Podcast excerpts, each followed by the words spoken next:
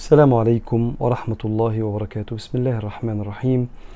الحمد لله رب العالمين والصلاة والسلام على سيدي رسول الله صلى الله عليه وآله وسلم. اللهم صل صلاة كاملة وسلم سلاما تاما على نبي تنحل به العقد وتنفرج به الكرب وتقضى به الحوائج وتنال به الرغائب وحسن الخواتيم ويستسقى الغمام بوجهه الكريم وعلى آله. عايز النهاردة أشارك حضراتكم في وسط الأحداث الكبيرة اللي بتمر بها الأمة وبتمر بها فلسطين. آه، بعض الملاحظات كده اللي الواحد آه، شافها واضحة جدا جدا. وبعض ال- الأشياء اللي اتولدت عملاقة وهي كانت شبه ماتت بينا. لكن جه الحدث الكبير ده واتولدت الأشياء دي مش بالتدريج. اتولدت فجأة عملاقة وهي كانت خلاص تقريبا اندثرت ما بين أمة سيدنا النبي عليه الصلاة والسلام. فخليني أشارك كده معاكم بعض الأفكار النهاردة لعلها تساعدنا على أولا تحمل الأحداث ثانيا ترشد كل واحد مننا إيه دوره آه، في وسط الأيام دي. وترشد كل واحد مننا فيما أتصور بعد ما الأحداث دي بستر الله ولطف الله ومدد الله تخلص على خير يا رب بالنصرة لأمة سيدنا محمد عليه الصلاة والسلام. والحفظ لبلادنا جميعا الواحد يطلع منها متغير. لأن أنا متصور أن الأمة قبل أحداث فلسطين آه، 7 أكتوبر آه، آه، السنة دي المفروض تبقى مختلفة عن الأمة بعد الأحداث دي. خليني الأول أقول لك على حاجة ملاحظة ومشاهدة بشكل عجيب جدا. أمة سيدنا النبي دلوقتي عليه الصلاة والسلام عاملة زي أسرة كانت ملهية عن بعض وبعدين مات لهم واحد. واحد من أفراد الأسرة. ففجأة حصل وعي جمعي عجيب تجاه الشخص ده. عارف لما يكون في واحد عايش في وسطنا في الأسرة وبعدين إحنا مهملينه جدا ونسينا مشاكله وكل واحد فينا اتلهى في حياته. كما قال تعالى بسم الله الرحمن الرحيم ألهاكم التكاثر إيه اللي بيفوقني من اللهية حتى زرتم المقابر. في حد فينا في الأسرة مات. فكل الأسرة بصت كده واللي كان مشغول في حاجة صح ولا غلط مش ده الموضوع. كله بص كده. علشان يشوف هو ممكن يعمل إيه. تحس كده إن حصل وعي جمعي ويقظة جمعية في أمة سيدنا رسول الله عليه الصلاة والسلام أولا تجاه مفهوم الأمة وأن هذه أمتكم أمة واحدة وأنا ربكم فاتقون والآية الثانية وأنا ربكم فاعبدون. إحنا بقالنا سنين ما كناش بنسمع اللهم انصر الإسلام وأعز المسلمين وأعلي بفضلك كلمتي الحق والدين. إيه ده؟ بقالنا كتير جدا ما بنسمعش وانصرنا على القوم الكافرين. في حاجة كده كانت اختفت كده فجأة صحية الأمة. صحية الأمة على مفهوم اللي إحنا كنا حافظينه لدرجة إن إحنا مبقاش نهتم. مثل المؤمنين في توادهم وتعاطفهم وتراحمهم كمثل الجسد الواحد. أصل إحنا لو ما بقيناش زي الجسد الواحد يبقى فيه خلل ضخم أصاب فكرة الإيمان وفكرة الأمة وفكرة دعوة النبي والنبي كان دايما يقول لنا خليكوا جنب بعض قبل ما ينتقل للرفيق الأعلى. واخر بصة بصها النبي عليه الصلاة والسلام قبل ما يمو- يموت وينتقل للرفيق الأعلى زاح الستارة كده وبص على الصحابة لقاهم كلهم بيصلوا مع بعض جماعة. ورا سيدنا أبو بكر. فابتسم. سيدنا أنس بيقول حتى كدنا أن نفتن. ده النبي بيبص علينا من الجنب إحنا هنسيب الصلاة ولا إيه؟ فأشار إليهم أن يثبتوا زي ما أنتم مع بعض. فالأمة الإسلامية ولادنا ويسمحوا لي ولادنا وإخواتنا يعني اللي كنت ت scroll على التيك توك كده تلاقي أكبر إنجاز إن واحد يعمل lip sync شفايفه تيجي على أغنية ولا على كلمة ولا على هزارة. وكل ما تعمل scroll على التيك توك أكتر ولا سناب شات و... تشوف حاجات من دي أكتر أغلبها هزار مش بتكلم على الصح والغلط ولا الحرام ولا الحلال. أنا دلوقتي ال scroll وأنا بعمل كده على أصحابي ومعارفي والناس اللي بتطلع بالصدفة صغيرين وكبار بنات وستات ورجالة إيه كل share فلسطين ده؟ إيه كل share الدعوات؟ إيه كل share القرآن ده؟ إيه كل share الكلام اللي بيتكلم عن نصرة ربنا؟ إيه اللي حصل؟ اللي اتولد عملاق وكان خلاص قرب يموت ما بيننا ده. وعي وعي كان محتاج المشايخ والعلماء والمصلحين في 20 30 سنة عشان الجيل نسي. الصغار الكبار يموتون والصغار لا يتعلمون. فسبحان الله يعني أنا أنا هعتبر نفسي متابع أنا من الناس اللي بتتابع السوشيال ميديا كويس. صفحات الفن وصفحات الكورة كله كله كله فلسطين ولادنا. أقول لك إيه اللي حصل كمان في الوعي الجمعي؟ انهيار فكرة إنسانية قادة الغرب. إحنا كنا بنقول لأولادنا يا أولاد خدوا بالكم من نتفليكس والمثلية اللي بتتعرض فيها. يا أولاد خدوا بالكم يا اللي بتتعلموا بره ولا بتتفرجوا على أفلام بره ولا بتت... منبهرين ببره انبهروا. ما بقولش ما تنبهرش. الناس تقدمت وتعبت وربنا كافئهم على تعبهم. يا ريت نتعب زيهم. بس ناخد منهم دي. ما ناخدش منهم إن ما فيش وحي. عارف العالم دلوقتي بيقودوا فكرة إن إحنا مش الوحي اللي يحركنا العقل اللي يحركنا التجربة المعملية اللي تحرك. ما تقوليش قال الله وقال الرسول. قول لي إيه اللي يفيد الناس وإيه علميا. إلا طبعا الحمد لله من رحم الله من الناس الموحدة اللي عارفة ربنا. فبعد ما أولادنا كانوا منبهرين بالغرب أنت عارف الغرب يقعد يقول لك أنت ما ما تحاربش فكرة المثلية دي لأن دي إنسانية وسيب كل واحد حر في جسمه. يعني مش عارف لازم تبقى open minded ولازم تبقى exposed مش عارف ومنفتح على استنى بس. إنسانية انهارت الإنسانية. انهارت الإنسانية اللي إحنا كنا فاكرينها. وظهر لو أنت حبيبي تبقى على دماغي لو أنت مش حبيبي إن شاء الله يدوسوا على رقبتك بالنعال ولا يتحرك لك أصلا. إيه ده؟ ده برضو كان محتاج مجهود كبير جدا من المصلحين والعلماء عشان ولادنا وأجيالنا يصدقوا إنك أنت قلد الغرب في الحاجة العدلة اللي تمشي مع ديننا وما تنبهرش بزيادة لدرجة إنك ماشي ورا أفكارهم كلها.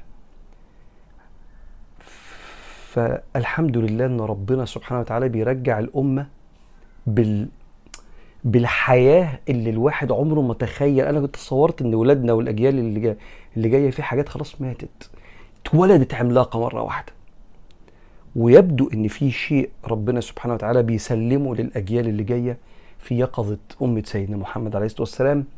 أدينا بنشاهد ومصدقين وعد ربنا إنا لننصر رسلنا والذين آمنوا في الحياة الدنيا ويوم يقوم الأشهاد يوم القيامة. فدي أول حاجة حصلت. الحاجة التانية اتولد شيء عملاق ما كانش مات بس هو اتولد عملاق قوي. فكرة إن أنا بحمد ربنا أنا وأنت إحنا مؤمنين بالله واليوم الآخر. عايزك تتخيل لو إحنا ما كناش مؤمنين بالآخرة كان الالحاد اتسرسب أكتر لأمتنا. عايزك تتخيل بس كم القهر يا بخت اللي مؤمن إن في آخرة كم القهر اللي كان ممكن يصيب البني آدم اللي ممكن يكون شايف أخوه قدامه بيتقتل آه ومفيش آخرة ربنا ياخد حق المظلوم من الظالم. يبدو إن نعمة الإيمان بالله واليوم الآخر اللي إحنا بنقولها كل يوم في القرآن مالك يوم الدين يوم الجزاء. آخر آية نزلت في القرآن على سيدنا رسول الله عليه الصلاه والسلام واتقوا يوما ترجعون فيه إلى الله ثم توفى كل نفس ما كسبت وهم لا يظلمون. تحس كده إن معنى الإيمان بالآخرة وإن رب إن الله لا يذر الظالم حتى إذا أخذه لم يفلته. الحمد لله في اخره والآخرة أشد عذابا وأبقى. لما فرعون قال لسحرة فرعون لأقطعن أيديكم وأرجلكم من خلاف ولأصلبنكم في جذوع النخل ولتعلمن أينا أشد عذابا وأبقى. قالوا لن نؤثرك على ما جاءنا من البينات والذي فطرنا فاقض ما أنت قاض. اسمعوا اكتبها هنا كده. عشان كل ما تصحى تشوفها. إنما تقضي هذه الحياة الدنيا. إنا آمنا بربنا ليغفر لنا خطايانا وما أكرهتنا عليه من السحر. والله خير وأبقى. إنه من يأتي ربه مجرما فإن له جهنم لا يموت فيها ولا يحيا. ومن يأتيه مؤمنا قد عمل الصالحات. نحسب كل أهلنا من فلسطين كده. مرابطين بيدافعوا عن أرضهم وأهلهم وعقيدتهم. ومن يأتيه مؤمنا قد عمل الصالحات فأولئك لهم الدرجات العلى. فالحمد لله ان إحنا مش ملحدين. الحمد لله ان إحنا مؤمنين بالله واليوم الآخر. الحاجة التالتة اللي اتولدت عملاقة جوايا أنا بقى شخصيا. أنا ما كنتش بفهم الآية دي أو مش بفهمهاش ما, بف... ما بستوعبهاش قوي قوي يعني. لما ربنا قال يا أيها الذين آمنوا قوا أنفسكم وأهليكم نارا وقودها الناس والحجارة. طب يا رب النار بتاعت الآخرة اللي هي ناركم التي توقدون عليها جزء من سبعين جزء من نار جهنم. النبي يقول كده عليه الصلاة والسلام. ويقول لربنا في سورة الواقعة أفرأيتم النار التي تورون؟ النار اللي أنتم بتولعوها. أأنتم أنشأتم شجرتها أم نحن المنشئون؟ نحن جعلناها تذكرة. عارف الهنت الصغير؟ حاجة كده ما, يعني ما تسواش يعني حاجة بسيطة أوي أوي. نحن جعلناها تذكرة. تذكرة بإيه؟ بنار الآخرة. ومتاعا للمقوين. متاعا يعني بنسخن عليها الأكل عشان ناكل يعني. فأنا فهمت يعني إيه لما ضربوا المستشفى بالصواريخ يعني إيه يوم القيامة في ناس هتبقى وقود النار؟ يعني اللي بيدوس على الزرار في الطيارة بيضرب صاروخ على مستشفى وهو شايف الأطفال الجرحى ولا الكبار الجرحى ولا الستات الجرحى فيضرب الجرحى بالصواريخ. ده مش إنسان ولا حيوان ولا شيطان. إحنا ده حاجة فوق كده بكتير. يعني ده فوق تفهم ليه ساعتها ربنا حذر في القرآن في خواتيم سورة الناس الذي يوسوس في صدور الناس من الجنة والناس. آه لا ده في جن بيوسوسوا بيعملوا حاجات سلبية وفي ناس. فتفهم يعني إيه اتقوا النار التي وقودها الناس. هنشوفهم في الآخر. هيبقوا وقود النار, النار بتتولع بيهم والحجارة.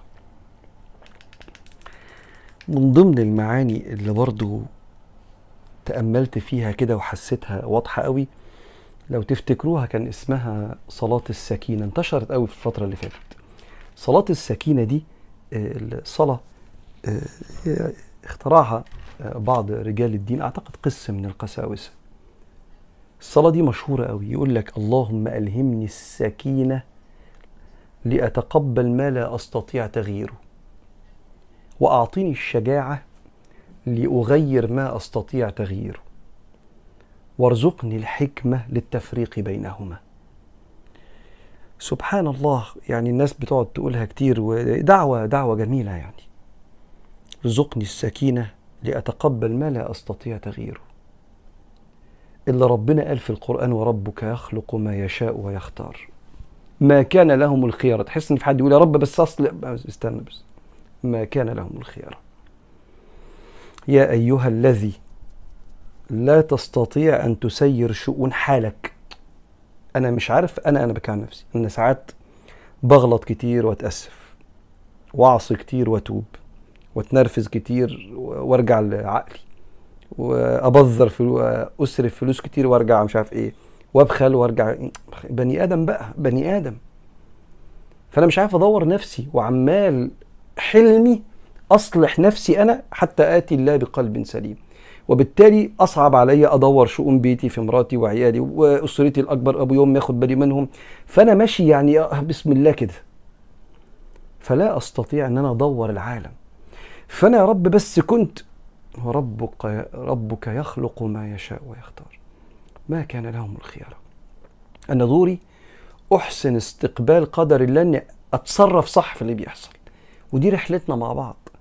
إحنا نتناصح ونتشاور ونسأل أهل الخبر والخبرة والعلم نعمل إيه في المواقف دي. بس اللهم ارزقني السكينة. لحسن اللي ما عندوش سكينة بيتهد. بيتهد مش بيعرف يمارس يومه. وبي والأمة وده من وده من من اختيار ربنا وكرم ربنا. الأمة في الإنتنسيف كير دلوقتي في العناية المركزة مهدودة. في في حالة تحس كده إن في كرة طابقة على الصدور كلها. بس دي بتعمل حاجة. دي بتصحي حاجة في الأمة زي كده ما الواحد في الإنتنسيف كير في العناية المركزة في حاجات بتخش جسمه بيتألم مدشدش مكسر. بس في حاجات بتخش جسمه هتقويه هتطلعه دلوقتي. فألهمني السكينة لأتقبل ما لا أستطيع تغييره. وارزقني الشجاعة لأغير ما أستطيع تغييره وارزقني الحكمة للتفريق بينهما. حاجة عجيبة جدا جدا أنا شايفها بتحصل في ال social media. يمكن تكون ال social media معبرة عن شرائح كتير من المجتمع. إيه كم المحاميين والمدافعين عن الله اللي ظهروا ما بيننا دول؟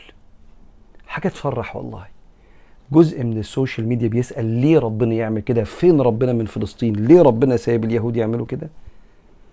وده سؤال العبد الغلبان اللي بيقول له يا رب متى نصر الله؟ زي ما في القرآن قال ألا إن نصر الله قريب؟ فده سؤال المؤدب اللي ملوش غير ربنا. ده ربع ال social media تلات أرباع ال social media من أصحابنا وحبايبنا وأهالينا واولادنا وإخواتنا. و... إيه يا ابني كم الآيات اللي بقيت تشيرها دي. ولا تحسبن الله غافلا عما يعمل الظالمون. بيدافع عن ربنا بالآية اوعى تفتكر ربنا غافل. إنما يؤخرهم ليوم تشخص فيه الأبصار. ولا تهنوا ولا تحزنوا. بينصح بنصيحة ربنا. كان بيقول له اسمع بس ربك. بيقول لي ولا تهنوا ولا تحزنوا وأنتم الأعلون إن كنتم مؤمنين.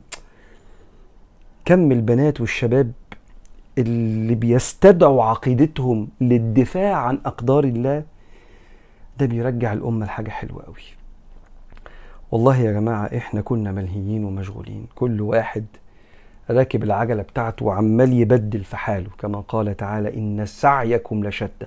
كل واحد في حتة. فجأة كده واحد من العيلة مات ولا حصلت له حادثة كبيرة فالكل اتجمع عشان يخدمه. فإيه كم المعتقدات؟ تحس كده إن كان في حاجة عليها تراب وطبقات قعدنا ننظف فيها ونطلع عشان تسندنا عقيدتنا في ربنا. وأنا والله بشوف كأنه بيدافع كأنه لا على ربنا كده. ولا يظلم ربك أحدا وربنا يمهل ولا يهمل. إيه يا ابن الجمال ده؟ آه آه آه في حاجة بتتبني عملاقة في الأمة دلوقتي لعلها بتتسلم للجيل اللي بعد كده. حاجتين كمان في بالي حابب أشاركهم مع حضراتكم. أنا وأنت ملتزمين تجاه نفسنا ألا يهزمنا الوهن. لأن عدوك عايز كده. عايز يقتل أخوك ويكسر فيك. فلا أخوك يقدر يدافع عن نفسه ولا أنت يبقى عندك أمل في أي حاجة حتى تدافع عن نفسك أنت كمان. فأنا ملتزم ألا يصيبني الوهن. ودايما بسمع نفسي بصوت عالي ما عندكش حجة تضعف وتترمي في بيتك وما تنزلش تكمل وظيفتك اللي ربنا خلقك فيها. بيعرفوا الديبريشن إنه حزن شديد بيصيب الإنسان يقعده عن مهامه الرئيسية لفترة طويلة. يعني ممكن أكون النهارده متضايق شوية فما قدرتش أنزل الشغل أو أنت حسيت إن أنا متعصب شوية أنا بتكلم معاك أو أدائي كان ضعيف. لكن لو النهارده وبكرة وبعده أنا ما نزلتش خالص ومرمي كده متكرمش في نفسي زي الطفل كده اللي إيه في بطن أمه ومتضايق وقاعد في بيته مش بمارس يومي أو بنزل بقعد سرحان وإنتاجيتي بقت صفر لا خد بالك ده وهن ده. لا خد بالك. ولما قتل السبعين صحابي وأصيب السبعين اللي زيهم بسبب معصية أربعين صحابي في غزوة أحد نزل القرآن يتكلم عن تبدأ الآيات اسمعوا. بدأت إزاي؟ بدأت هذا بيان للناس. عارف البيان رقم كذا فأنت تبص إيه اللي هيتقال ده؟ أنا مش لا ده في موضوع محتاج إن أنا أعمل كده. هذا بيان للناس وهدى. ده يرشدك للصح الهداية الإرشاد للي ينفعك. وموعظة للمتقين. ولا تهنوا ولا تحزنوا. وأنتم الأعلون إن كنتم مؤمنين. إن يمسسكم قرح القرح هو الجرح الجسدي والمعنوي. فقد مس القوم قرح مثله. والكلمة دي ذكرت بعد كده في سورة آل عمران في الغزوة اللي لزقت المعركة اللي لزقت في معركة أحد. في اليوم اللي انتصر اللي, انكسر فيه جيش المسلمين عرف النبي صلى الله عليه وسلم إن أبو سفيان عرف إن النبي ما اتقتلش ولا أبو بكر ولا عمر. فقعدوا يجمعوا نفسهم تاني الجيوش المشركين اللي قتلوا منا سبعين من كبار الصحابة. ما في بيت إلا وكان فيه شهيد. فجمعوا نفسهم تاني عشان يرجعوا وبعدين يبيدوا بقى الجيش الإسلامي كله وسيدنا النبي عليه الصلاة والسلام. وبعت واحد يقول للنبي إحنا جمعنا لك وراجعين لك تاني بعد شو عملنا فيكوا إيه وراجعين تاني. فسيدنا محمد قال للرجالة قوموا. إيه يا سيدنا النبي؟ يلا نقوم نكمل الحرب. طب حضرتك إحنا مش قادرين نقف. يلا قوموا. حاضر يا سيدنا النبي. سيدنا طلحة بن عبيد الله أو أبو طلحة الأنصاري مش فاكر يقول وكان عندي سبع جراح في جسمي. سبع جراح مش يعني نقطة هنا ونقطة هنا. سبع جراح يعني سبع ضربات بسلاح. ما بين طعنة سيف ضربة رمح سهم. قايم متعكز على أخويا وشادد دماغي متعور فيها. بس اللي تؤمر بيه يا رسول الله. وينزل القرآن الذين استجابوا لله والرسول من بعد ما أصابهم القرح. للذين أحسنوا منهم واتقوا أجر عظيم. هرجع أقول لك حاجة في الآية دي. الذين قال لهم الناس إن الناس قد جمعوا لكم. آه ده مش حد بس اللي بيحاربكم ده اتجمعوا من كل حتة في الأرض. إن الناس قد جمعوا لكم فاخشوهم. فاخشوهم دول تراب. لو ربنا أراد إن إحنا دلوقتي نتوجع منهم دي إرادة ربنا. لو ربنا أراد ينصرنا ربنا ما بيحتاجش مساعدة من حد. ربنا بيقول كن فيكون. لا بيحتاج مساعدة ولا بيحتاج أسباب ولا بيحتاج يز... مفيش تظبيط. هو كن فيكون. طب ولو ما قالش كن وإحنا اتوجعنا منهم يبقى في حاجة ربنا بيعلمها لنا؟ برحمته. إحنا معاك. أينما تريدنا إحنا معاك. الذين استجابوا لله والرسول من بعد ما أصابهم القرح. للذين أحسنوا منهم واتقوا أجر عظيم. الذين قال لهم الناس إن الناس قد جمعوا لكم فاخشوهم فقلبت عكس فزادهم إيمانا. وقالوا حسبنا الله ونعم الوكيل. لا حسبنا قوتنا ولا حضارتنا ولا أسلحتنا حسبنا الله ونعم الوكيل فانقلبوا بنعمة من الله وفضل لم يمسسهم سوء. بالمناسبة ده ذكر الأيام دي. حسبنا الله ونعم الوكيل. فانقلبوا بنعمة من الله وفضل. على سبحتك 100 مرة كل يوم 100 مرة الصبح و100 مرة بالليل. حسبنا الله ونعم الوكيل. وانت في قلبك أخوك في فلسطين. فأنا مع ملتزم تجاه نفسي ألا ألا يهزمني الوهن. ولما نزل ولا تهنوا ولا تحزنوا الصحابة ما قالوش لربنا معلش يعني ما أنت مش شايف يا رب اللي حصل لنا يعني؟ ما طبعا لازم ننكسر ونتهزم. لا قاموا مع النبي. قاموا مع النبي. فأنا بحاول أقوم القومه دي زي ما اتفقنا المرة اللي فاتت في تربيتي لعيالي وفي شغلي وفي توعيتي بالقضية دي عشان أبقى عملت اللي عليا. وده يخليني أسألك إذا كان دولتنا الكريمة والدول العربية كلها فتحت باب التبرعات والتحالف الوطني دلوقتي بيوصل والنهاردة الصبح الحمد لله اتفتحت المعابر اتبرعت ولا لسه؟ انت عمال تزعق على السوشيال ميديا وتقول مين يتكلم مين ما يتكلمش اتبرعت ولا لسه؟ ولو ما اتبرعتش بخمسة جنيه إن شاء الله تجيب بيها السرنجة يتحط فيها مسكن تسكن ألم أخوك اللي اتصاب ويبقى بيصرخ من الوجع زي ما أنتم بتشوفوا ياخد الحقنة اللي بفلوسك اللي بخمسة جنيه. ما بالك اللي بيتبرع ب 5000 و50 ألف و50 مليون وكل واحد قدرته عشان يخش الأكل والشرب والمساعدات الطبية. ولو ما اتبرعتش لازم تتبرع عشان ده الأكشن ده الفعل اللي في إيديك جنب دعائك وجنب كلامك مع اللي حواليك على قد ما تقدر عشان تحيي القضية دي. وجنب دعائك لبلدك أن ربنا يجعلها بلدا آمنا زي ما سيدنا إبراهيم عمل وزي ما سيدنا النبي عمل عليه الصلاة والسلام. رب اجعل هذا بلدا آمنا وارزق أهله من الثمرات من آمن. رب اجعل هذا البلد آمنا واجنبني وبني أن نعبد الأصنام. ف فأنا ملتزم تجاه نفسي ألا يصيبني الوهن. آه قلبي تقيل آه تقيل قوي. في حاجة في صدري كده طبقة عليا. طبعا. وأنا وانت وحاسس بيها في الحال العام للأمة. بس بقول لك إحنا في العناية المركزة الخراطيم داخلة في جسمنا كده بتد... وجعانه بس بتدينا حاجة بتدينا حاجة. يبقى شيء أخير للآباء والأمهات اللي بيسألوا بيسألوا نقول إيه لأولادنا لما أولادنا يقولوا فين ربنا من فلسطين؟ وإزاي ربنا سايب الناس دي تعمل كده في إخواتنا؟ وليه ذنب الأطفال؟ شوف يا سيدي أنا ممكن أنا وأنت نجتهد بعقولنا اللي قد كده لمحاولة فهم حكمة الله. وحكمة الله أوسع من أن تدرك. بس هقول على حاجة في العقيدة. الأشياء مش فاعلة. افتكر الكلام ده يا صديقي كويس. يعني الأكل ما بيشبعش. أنت لما بتاكل الله بيخلق الشبع في الأكل. لما بتشرب الله بيخلق الارتواء في الشرب. لما بتاخد الدواء, الدواء الله بيخلق الشفاء في الدواء. وبالتالي وانت بتتكلم مع أولادك الله بيخلق التأثير في الكلام. مش كلامك اللي مؤثر.